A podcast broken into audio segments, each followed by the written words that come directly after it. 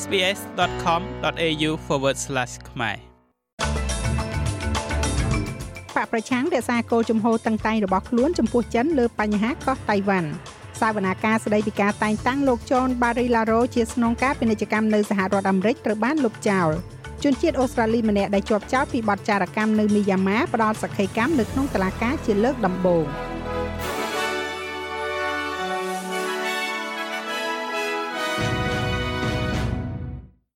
លោក Peter Dutton បានទម្លាក់ការរិះគន់របស់លោកម្ដងទៀតទៅលើរដ្ឋាភិបាលចិនខណៈដែលភាពតានតឹងនៅលើកោះតៃវ៉ាន់បន្តកើនឡើង។ឯកអគ្គរដ្ឋទូតចិនប្រចាំប្រទេសអូស្ត្រាលីលោកសៀវឈៀនបាននិយាយថាគ្មានលទ្ធភាពនៃការសម្របសម្រួលលើកោះតៃវ៉ាន់នោះទេ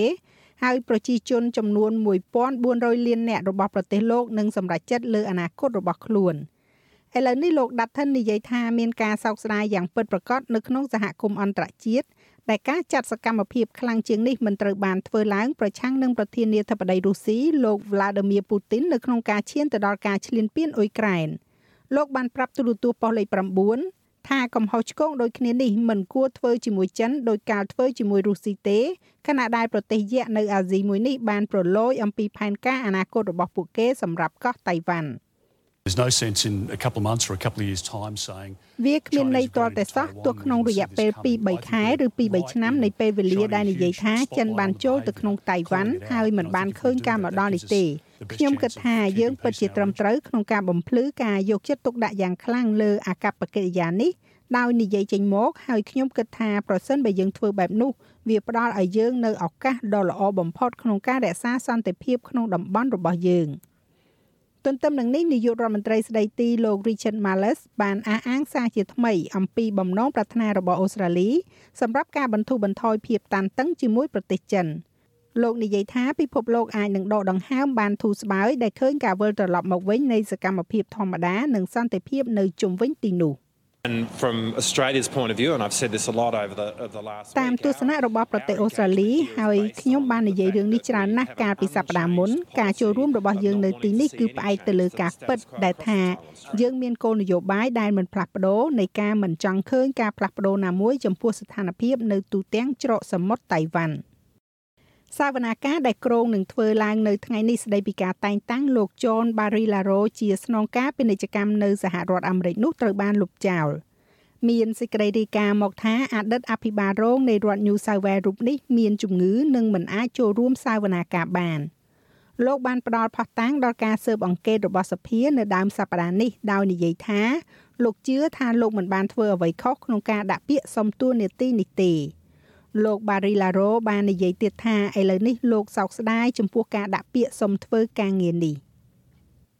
អ្នកដែលមានចំណេះដឹងជ្រៅជ្រះជនជាតិអូស្ត្រាលីម្នាក់ដែលកំពុងតែប្រឈមមុខទៅនឹងការចោទប្រកាន់ពីបទអូក្រិដ្ឋនៅក្នុងប្រទេសមីយ៉ាន់ម៉ាជាមួយនឹងមេដឹកនាំដែលត្រូវបានបណ្តេញចេញពីតំណែងលោកស្រីអុងសានស៊ូជីបានផ្ដល់សក្ខីកម្មនៅក្នុងតុលាការជាលើកដំបូង។ មានសេចក្តីរាយការណ៍មកថាលោក Sean Turnell បានបដិសេធការចោទប្រកាន់លើរូបលោកហើយបានសារភាពថាមិនមានកំហុសនោះទេលោក Turnell ត្រូវបានចោទប្រកាន់ពីបទបំពានច្បាប់សម្ងាត់ជាផ្លូវការរបស់ប្រទេសនេះក្រោយមកក៏មានការចាប់ខ្លួនរូបលោករយៈពេល5ថ្ងៃ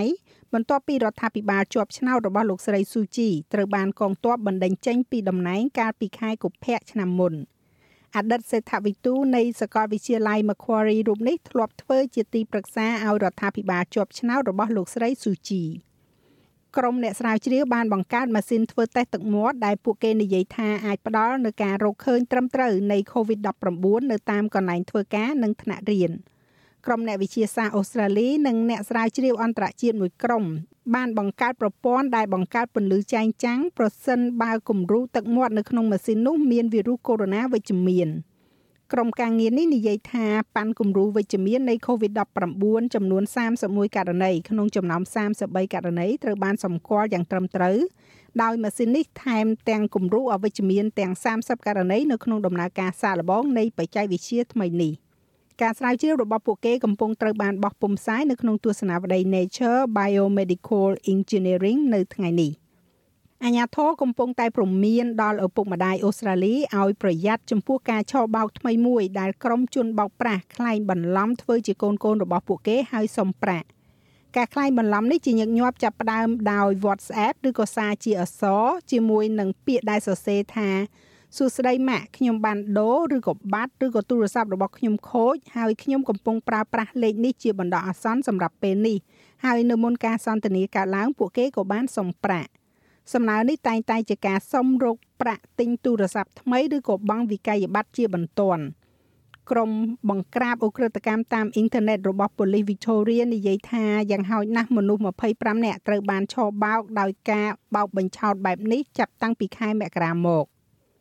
នៅក្នុងប្រទេសកម្ពុជាវិញអាជ្ញាធរបានធ្វើការបង្ក្រាបបាតកម្មរបស់អតីតបុគ្គលិកក្រុមហ៊ុន Casino NagaWorld បណ្ដាលឲ្យស្ត្រី3នាក់រងរបួសហើយបញ្ជូនទៅមន្ទីរពេទ្យកាលពីរសៀលថ្ងៃទី11ខែសីហាឆ្នាំ2022ម្សិលមិញនេះក្រុមបាតកោដែលជាអតីតបុគ្គលិកនិងបុគ្គលិកក្រុមហ៊ុន NagaWorld ប្រមាណជា90នាក់បានបន្តមកប្រមូលផ្ដុំគ្នាធ្វើបាតកម្មដែលអាជ្ញាធរចាត់ទុកថាជាបាតកម្មខុសច្បាប់ សមត្ថកិច្ចបានដាក់បារ៉ាស់រារាំងដោយបិទផ្លូវមិនឲ្យបាតកោហែក្បួនឆ្ពោះទៅកាន់ក្រុមហ៊ុន Nagavel ដែលស្ថិតនៅប្រមាណជា2ទៅ300ម៉ែត្រពីកន្លែងប្រមូលផ្ដុំនោះក្រុមបាតកោដែលជាស្ត្រីចង់រុលទៅមុខក៏មានការប៉ះទង្គិចគ្នារហូតដល់ធ្វើឲ្យស្ត្រីបាតកោយ៉ាងហោចណាស់3នាក់រងរបួសនិងត្រូវបានបញ្ជូនទៅសង្គ្រោះភ្លាមៗនៅមន្ទីរពេទ្យខ្ញុំគ្រាន់ចង់បានដំណោះស្រាយចង់បានយុត្តិធម៌ពីតកែ Nagavel ហើយខ្ញុំចង់ឲ្យ មានវត្តមានសហជីព LRSU នៅក្នុងក្រុមហ៊ុន Nagavel ឈរនឹង78ខែខ្ញុំអត់មានដំណោះស្រាយទេអញ្ចឹងខ្ញុំចង់ទៅឈរនៅមុខ Nagavel ចាស់លោកមេងផល្លានឹងជួនសេចក្តីរាយការណ៍លម្អិតនៅវគ្គក្រោយបន្ថែមទៀតឬលោកអ្នកអាចស្ដាប់របាយការណ៍ពេញលើគេហទំព័រ sps.com.au/ ខ្មែរ នៅក្នុងព័ត៌មានកីឡាបាល់ទាត់ជាមួយនឹងពេលវេលានៅសល់3ខែទៀត FIFA បាននាំយកការប្រកួតបាល់ទាត់ពិភពលោកខិតមកមុខជាផ្លូវការមួយថ្ងៃដោយផ្ដល់ឲ្យប្រទេសកាតាជាម្ចាស់ផ្ទះនៅការផ្សាយនៅល្ងាចថ្ងៃអាទិត្យផ្ដាច់មុខទៅកាន់ទស្សនិកជនទូទាំងពិភពលោកដែលរងចាំទស្សនាតាមកញ្ចក់ទូរទស្សន៍ ឥឡូវនេះកាតានឹងប្រកួតជាមួយអេក្វាទ័រនៅទីក្រុងដូហាថ្ងៃទី20ខែវិច្ឆិកាដោយពង្រីកការប្រកួតបាល់ទាត់ពិភពលោកពី28ថ្ងៃឡើងដល់29ថ្ងៃដែលបានព្រមព្រៀងកាលពី7ឆ្នាំមុនការសម្រេចចិត្តនេះនឹងធ្វើឲ្យប៉ះពាល់ដល់ប្រទេសអេក្វាទ័រដែលមានកីឡាករជាច្រើនមានមូលដ្ឋាននៅក្នុងក្រុមអឺរ៉ុបហើយឥឡូវនេះនឹងមានការត្រៀមខ្លួនតិចជាងមុនមួយថ្ងៃសម្រាប់ពួកគេ ហើយវាក៏មានន័យថាជាការប៉ះទង្គិចជាមួយនឹង Grand Prix រដូវកាល Formula 1នៅ Abu Dhabi ក្បែរនោះផងដែរប៉ុន្តែគេនិយាយថាការផ្លាស់ប្ដូរការបរិច្ឆេទនេះត្រូវបានគ្រប់គ្រងដោយអ្នករៀបចំការប្រកួតនៅក្នុងប្រទេស Emirates ដ៏សម្បូរដោយឧស្ម័នមួយនេះអង្គភាពបាល់ទាត់អាមេរិកខាងត្បូង CONMEBOL និងសហព័ន្ធបាល់ទាត់ជាតិរបស់ក្រុមទាំងពីរ។ ចំណែកឯអត្រាប្តូរប្រាក់វិញ1ដុល្លារអូស្ត្រាលីមានតម្លៃប្រមាណជា71សេនដុល្លារអាមេរិកត្រូវនឹង2910រៀលប្រាក់រៀលខ្មែរ